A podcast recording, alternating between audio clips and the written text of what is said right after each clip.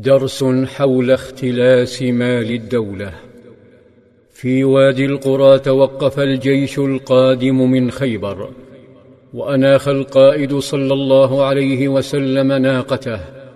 فتهادى خادمه مدعم ومد يديه نحو حبال الرحل ليحلها ويضعه على الأرض. وإذا به يفاجأ بأزيز سهم طائش ينغرز في جسده. خر مدعم على الأرض وتفجر شلال الدم حتى لفظ أنفاسه. مشهد أثار غبطة المجاهدين فقالوا هنيئا له الشهادة. وإذا بالنبي صلى الله عليه وسلم يصدمهم بكلمات اقشعرت لها جلود ووجلت منها قلوب.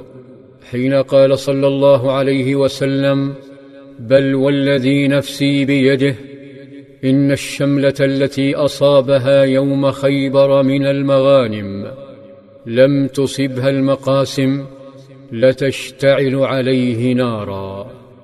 اذا فهو ذلك الشخص الذي أسلم حديثا والذي استل من مغانم المسلمين في خيبر قطعة قماش متواضعة تلف على الخصر. تسمى الشملة. استلها دون أن يعلم قائد الدولة ونبي الأمة. كلمات لا تنطق عن الهوى. كشفت هول مد اليد للمال العام. وعاقبة الفساد بحجة أنه مال الدولة. انطلقت الكلمات كالسهم. فانغرزت في قلب مجاهد. فإذا به يتلفت ويبحث. ثم يتقدم نحو قائده ويمد يده بسير نعال تافه يلف على القدم. اختلسه من الغنائم. فقال هذا شيء كنت أصبته. فقال صلى الله عليه وسلم شراك من نار. ثم نادى صلى الله عليه وسلم وزيره ابن الخطاب وقال له يا ابن الخطاب اذهب فناد في الناس أنه لا يدخل الجنة إلا المؤمنون. فانطلق بين الجند يعلنها. يعلنها كما أعلن صلى الله عليه وسلم لشعبه ذات يوم أن اختلاس إبرة من مال الدولة جريمة. فقال من استعملناه منكم على عمل فكتمنا مخيطا فما فوقه كان غلولا يأتي به يوم القيامة.